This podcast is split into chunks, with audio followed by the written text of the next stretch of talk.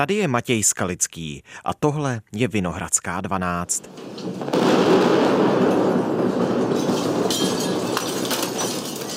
Russian forces are stepping up their attacks on towns and cities across Ukraine. Лише сьогодні зруйнували з десяток будинків. Під завалами опинилися троє людей. Деревья вырубывают, трупы хоронят во дворах пятиэтажек. Они ничего не Ребят, ну это страшно, так нельзя.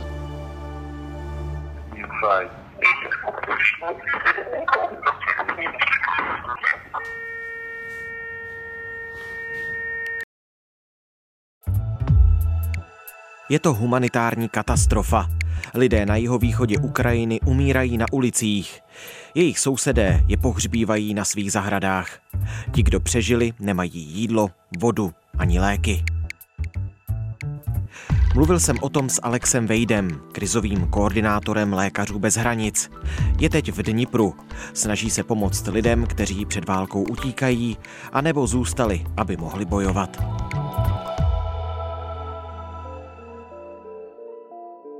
Dnes je středa, 16. března.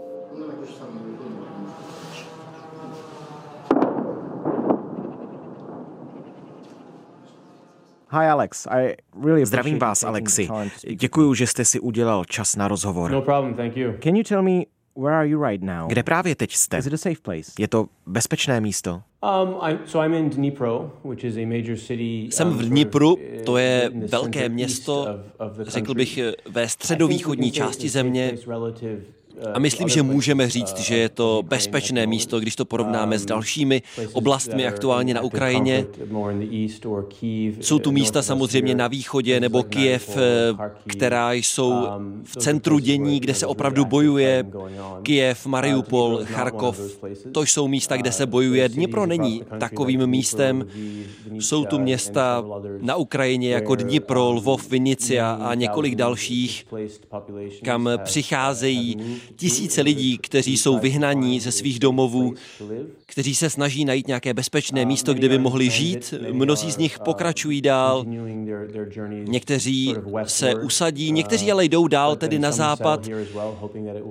Mnozí ale zůstávají a doufají, že to bude bezpečné místo. Jsou tu také mezinárodní organizace jako Lékaři bez hranic a někteří další, kteří se snaží tady usadit a pokračovat ve své práci, organizovat svoji práci právě odsud uh, a zareagovat tam, kde lidé jsou nejvíc potřeba. In Říkáte, že situace v Dnipru je relativně klidná a stabilní. Jak často tam v těchto dnech slýcháte sirény vyhlašující letecký poplach? Uh, you know, it varies. I mean, uh, To záleží. Řekl bych, že to je Um, každodenní záležitost. Někdy slyšíme sirény jednou, dvakrát denně, někdy dvakrát, třikrát denně, někdy třikrát, čtyřikrát, opravdu to záleží. of the night at 2 Může k tomu dojít uprostřed Um, noci, ve dvě ráno, opravdu záleží.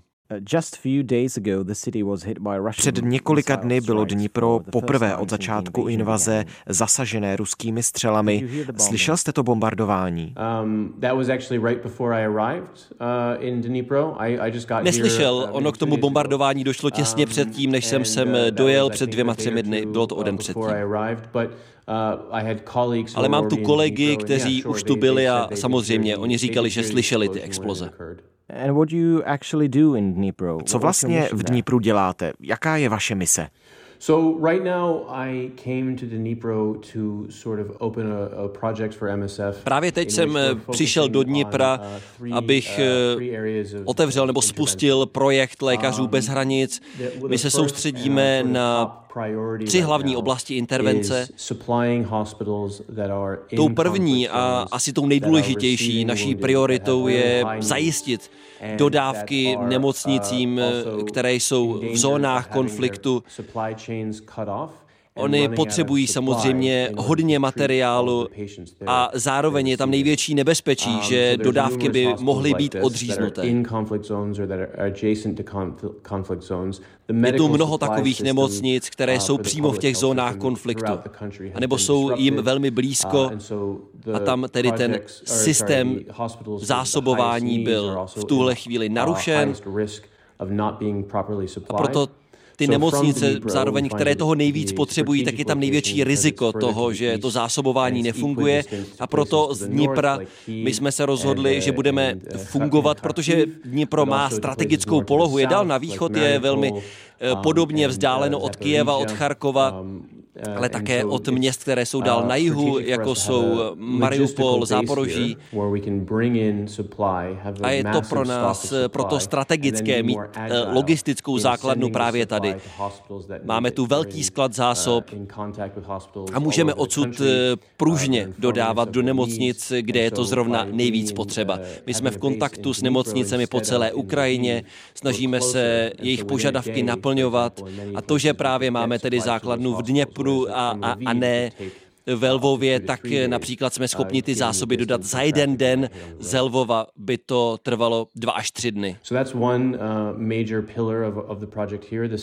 Takže to je jeden, asi ten nejdůležitější pilíř našeho projektu.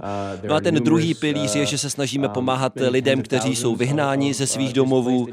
Jsou jich desetitisíce. Ono se to mění samozřejmě ze dne na den. Někteří pokračují dál, někteří zůstávají, ale přicházejí stále další a další další, záleží na tom, kde aktuálně propuká násilí. Mění se to ze dne na den, ale tohle jsou lidé, kteří opustili své domovy, kteří toho mnoho nemají. Mnozí z nich eh, mají třeba chronické choroby, nemají léky, museli přerušit pochopitelně léčbu, můžou tam být eh, těhotné ženy, které potřebují nějaké bezpečné místo k porodu, jsou tam lidé, kteří mají psychické nemoci, ty třeba se kvůli konfliktu zhoršily, i těm se snažíme pomáhat. No a ten třetí závěrečný pilíř našeho našeho projektu tady je spolupráce s místním zdravotním systémem. Snažíme se je připravit, podporovat je, jak je to jen možné aby v případě, a my doufáme, že k tomu nedojde, že se to nestane, ale v případě, že se válka rozšíří až k ním, tak jak na to můžou být připraveni, my máme zkušenosti už z měst, kde se to stalo.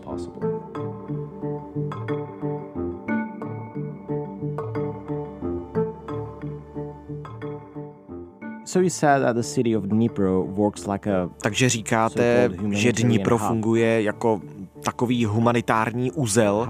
Jak špatná je tam ta humanitární situace? A když mluvíme o zásobách, mají lidé dostatek léků, dostatek vody, jídla?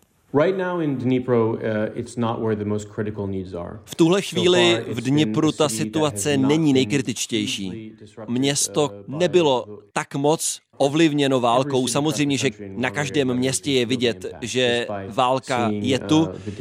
Vidíme tu lidi, kteří přicházejí, jsou to lidi, kteří opustili své domovy. Máme tu například benzín na příděl.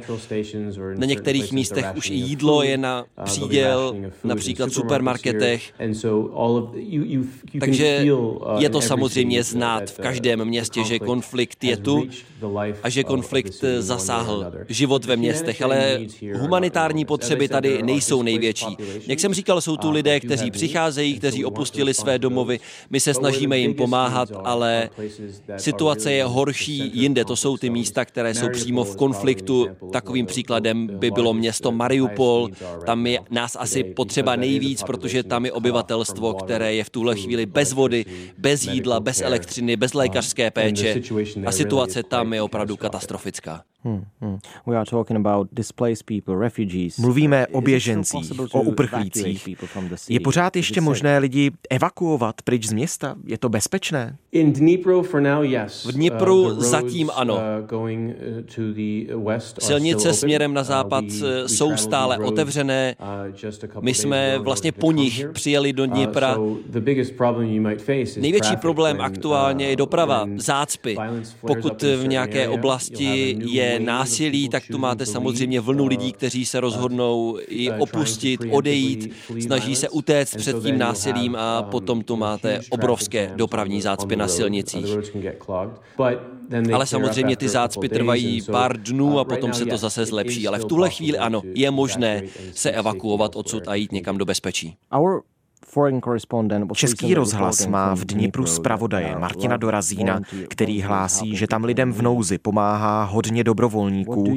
Co vy vidíte na ulicích? Um, ano, musím říct, že vidíme obrovskou solidaritu v tomto smyslu um, po celé zemi. My jsme byli na některých místech, abychom monitorovali situaci a viděli jsme, že potřeby lidí už jsou uh, pokryté, protože na místě jsou dobrovolníci dobrovolníci, místní dobrovolníci, kteří se rozhodli, že budou pomáhat a dělají, co je možné, aby podporovali tyhle lidi, aby pomáhali. Takže to je samozřejmě fantastické vidět. Specificky v oblastech podél hranic my jsme navštívili tyhle místa u polských hranic, u rumunských hranic. Situace je tam samozřejmě velmi komplikovaná pro mnoho lidí. Trvalo to dny, než se dostali přes hranice hranici, takže bylo potřeba tam těm lidem pomáhat. Měli jsme tam týmy na obou stranách hranice ale také jsme viděli opravdu obrovské úsilí jednotlivců, kteří se rozhodli, že budou sami kupovat jídlo, sami kupovat vodu, sami přijeli třeba k hranicím a pomáhali lidem. A vidíme to taky ve městech, které jsme navštívili, opravdu obrovské sítě dobrovolníků, lidí, kteří dobrovolně pomáhají, nabízejí své domy, aby tito lidé, kteří opustili své domovy, tam mohli se třeba vyspat na své cestě a pokračují potom dál. Dávají jim vodu, dávají jim jídlo, takže musím říct, solidarita je tu po celé zemi obrovská. Teď jsem v jedné ze škol na okraji na sídlišti města Dnipro. Tady se teď žáci neučí, tady je místo příjmu pomoci pro uprchlíky. Из Харькова сильно бомбили, позвонили, волонтеры из Днепра привозят э, продукты. Jsme z Charkova. Tam silně bombardovali, ale ozvali se nám dobrovolníci z Dnipra, kteří do Charkova vozí potraviny, že nás můžou evakuovat. No вот видите, что произошло, nám rozbili весь офис. Další z neuvěřitelných příběhů tady několik desítek metrů od místa dopadu ruských raket je domek, ve kterém přijímali pacienty HIV pozitivní z celé východní Ukrajiny. Tady jim dávali ty základní informace, pak je rozváželi po nemocnicích, protože oni potřebují své léky. Our Reportéři Českého rozhlasu, kteří se právě vrátili z Oděsy, mluvili o městě připravujícím se na válku. Lidé tam stavějí barikády z pytlů s pískem, zakrývají cené sochy. Je to v Dnipru stejné? Um,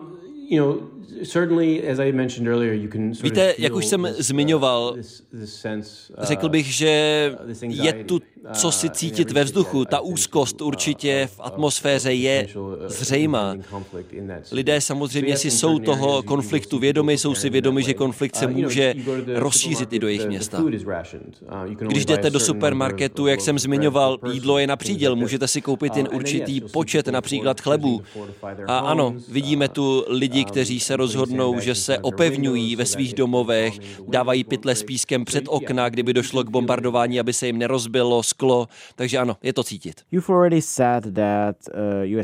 Vy už jste říkal, že jste v Dnipru založili humanitární středisko. Jste tedy v kontaktu s kolegy v jiných městech na východě Ukrajiny, jako je třeba obklíčený přístav Mariupol? Můžete mi říct, jaká je tam teď situace? Uh,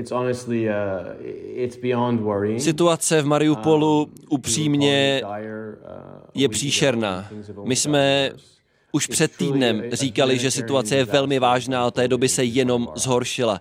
Je to opravdu humanitární katastrofa, která se nám odehrává před očima. A je to taky nesmírně frustrující, že nemáme zatím řešení. My bychom měli schopni být najít to řešení tak rychle, jak je to jen možné. Řešení tu mělo být před týdnem, mělo tu být včera, mělo by tu být dnes a doufáme, že ho uvidíme zítra. Máme tu až 400 tisíc lidí, ale těžko říct, kolik jich tam vlastně je. Mnozí z nich už utekli já jsem neviděl žádná oficiální čísla, kolik jich tam vlastně zůstává, ale rozhodně je tam několik stovek tisíc lidí, až 400 tisíc, kteří jsou odříznuti, jsou odříznuti od vody například a byli odříznuti už víc než týden Dochází jim jídlo, lékařská péče samozřejmě není v dostatečné míře poskytována. Pravděpodobně jste viděli záběry bombardování nemocnice v Mariupolu. To je nemocnice, se kterou my jsme spolupracovali, my jsme jim darovali dodávky v prvním týdnu války. Dodávali jsme jim materiál, komunikovali jsme s nimi a doufáme, že je budeme schopni dál podporovat, ale ztratili jsme s nimi kontakt. A teď už je nemožné s nimi mluvit a poslední komunikace, eh, která s nimi probíhala, byla, že počet zraněných, kteří k ním přicházejí, je narůstá a oni se obávali. No a potom jsme tedy už nebyli schopni s nimi pokračovat v komunikaci a teď už jim nemůžeme ani posílat materiál, protože je to příliš nebezpečné. A máme tu statisíce lidí, kterým jim už došla voda, došlo jim jídlo, dochází jim jídlo. My víme, že lidé sbírají dešťovou vodu, snaží se rozstávat sníh, někteří se snaží dostávat vodu z topení, někteří lidé třeba měli zásoby vody, snažili se jí dávat na příděl, ale i ta už jim dochází. Máme tu potvrzení, že tam jsou zranitelní obyvatelé, kteří jsou třeba chronicky nemocní, kteří potřebují aby pokračovala jejich léčba pravidelná, taky už eh, třeba umírají, protože nemají přístup ke své léčbě. Máme tu mnoho mrtvých navíc kvůli bombardování uvnitř města. Komunikace, kterou jsme měli s našimi lidmi v Mariupolu, už eh, také je těžší a těžší v ní pokračovat. Oni pořád musí hledat novou síť, někdy je možné si s nimi jenom psát a velmi se obáváme, že budeme od nich odříznuti v následujících dnech úplně. Ale to, co oni nám říkají, je absolutní noční můra. Říkají nám příběhy sousedů, kteří pohřbívají na své zahradě své sousedy, tak, aby tito lidé nemuseli zůstat mrtví ležet na ulici. Tohle je opravdu příšerné. Ta situace tam je strašná. A tohle jsou nevinní civilisté. To jsou lidé, kteří by měli mít právo bezpečně odejít. Oni opravdu na to mají právo protože i války mají pravidla. Vlády podepsaly konvence a civilisté, lidé, kteří nebojují, mají právo na to, aby odešli z válečné zóny a je neakceptovatelné, že k tomu nedochází. I will add to that because one of your já k tomu dodám, co telefonoval jeden z vašich spolupracovníků z Lékařů bez hranic právě v přístavu Mariupol, Oleksandr. Budu ho citovat. Sousedé kopou díry v zemi a pohřbívají tam mrtvá těla.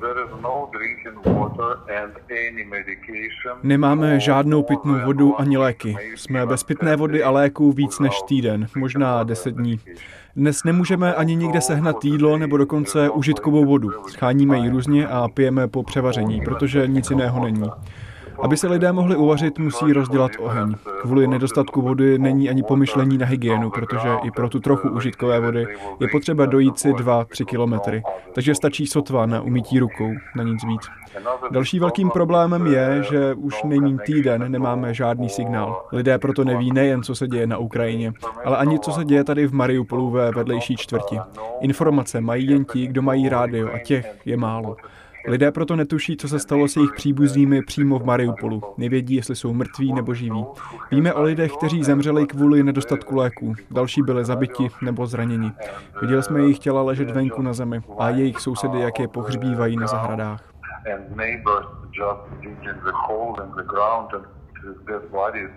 inside.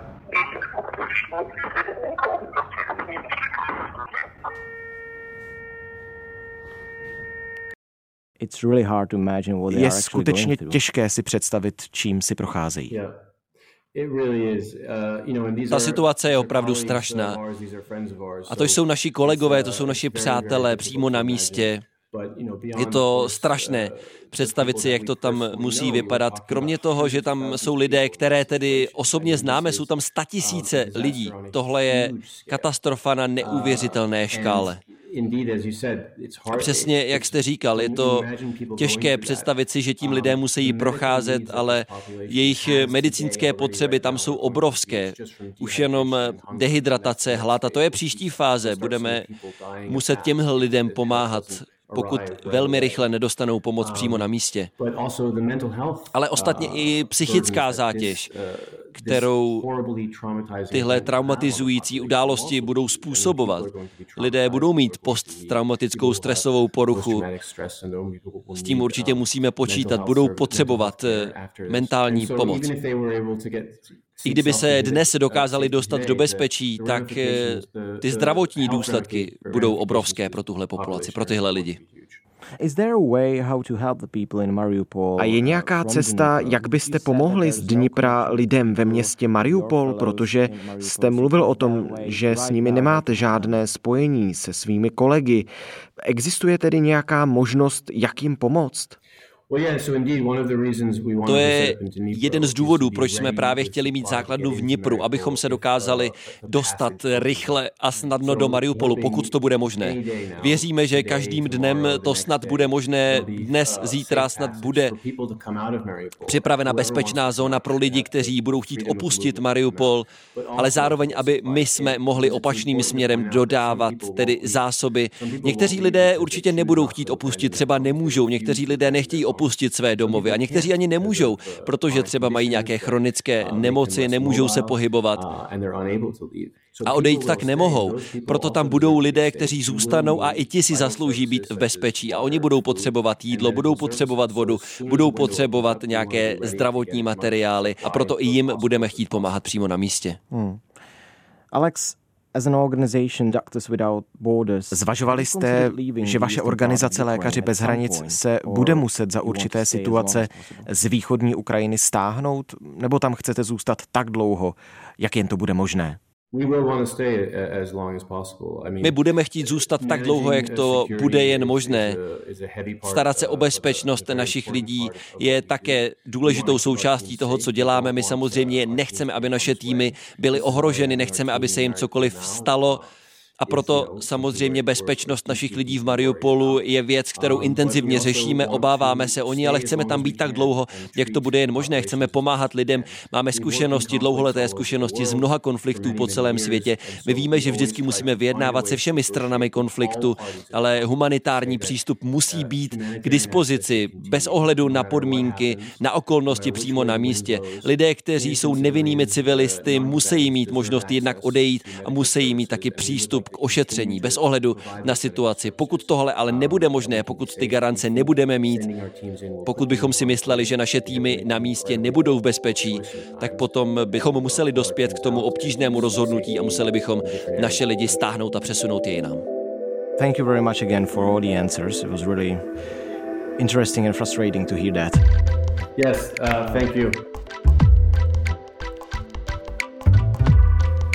To je pro dnešek z Vinohradské 12 všechno. O situaci na jihovýchodě Ukrajiny a pomoci tamním lidem v nouzi jsem mluvil s krizovým koordinátorem Lékařů bez hranic Alexem Vejdem. Další díly z pravodajského podcastu Českého rozhlasu najdete v audiotéce Můj rozhlas.cz a jsme i ve všech podcastových aplikacích. Naslyšenou zítra.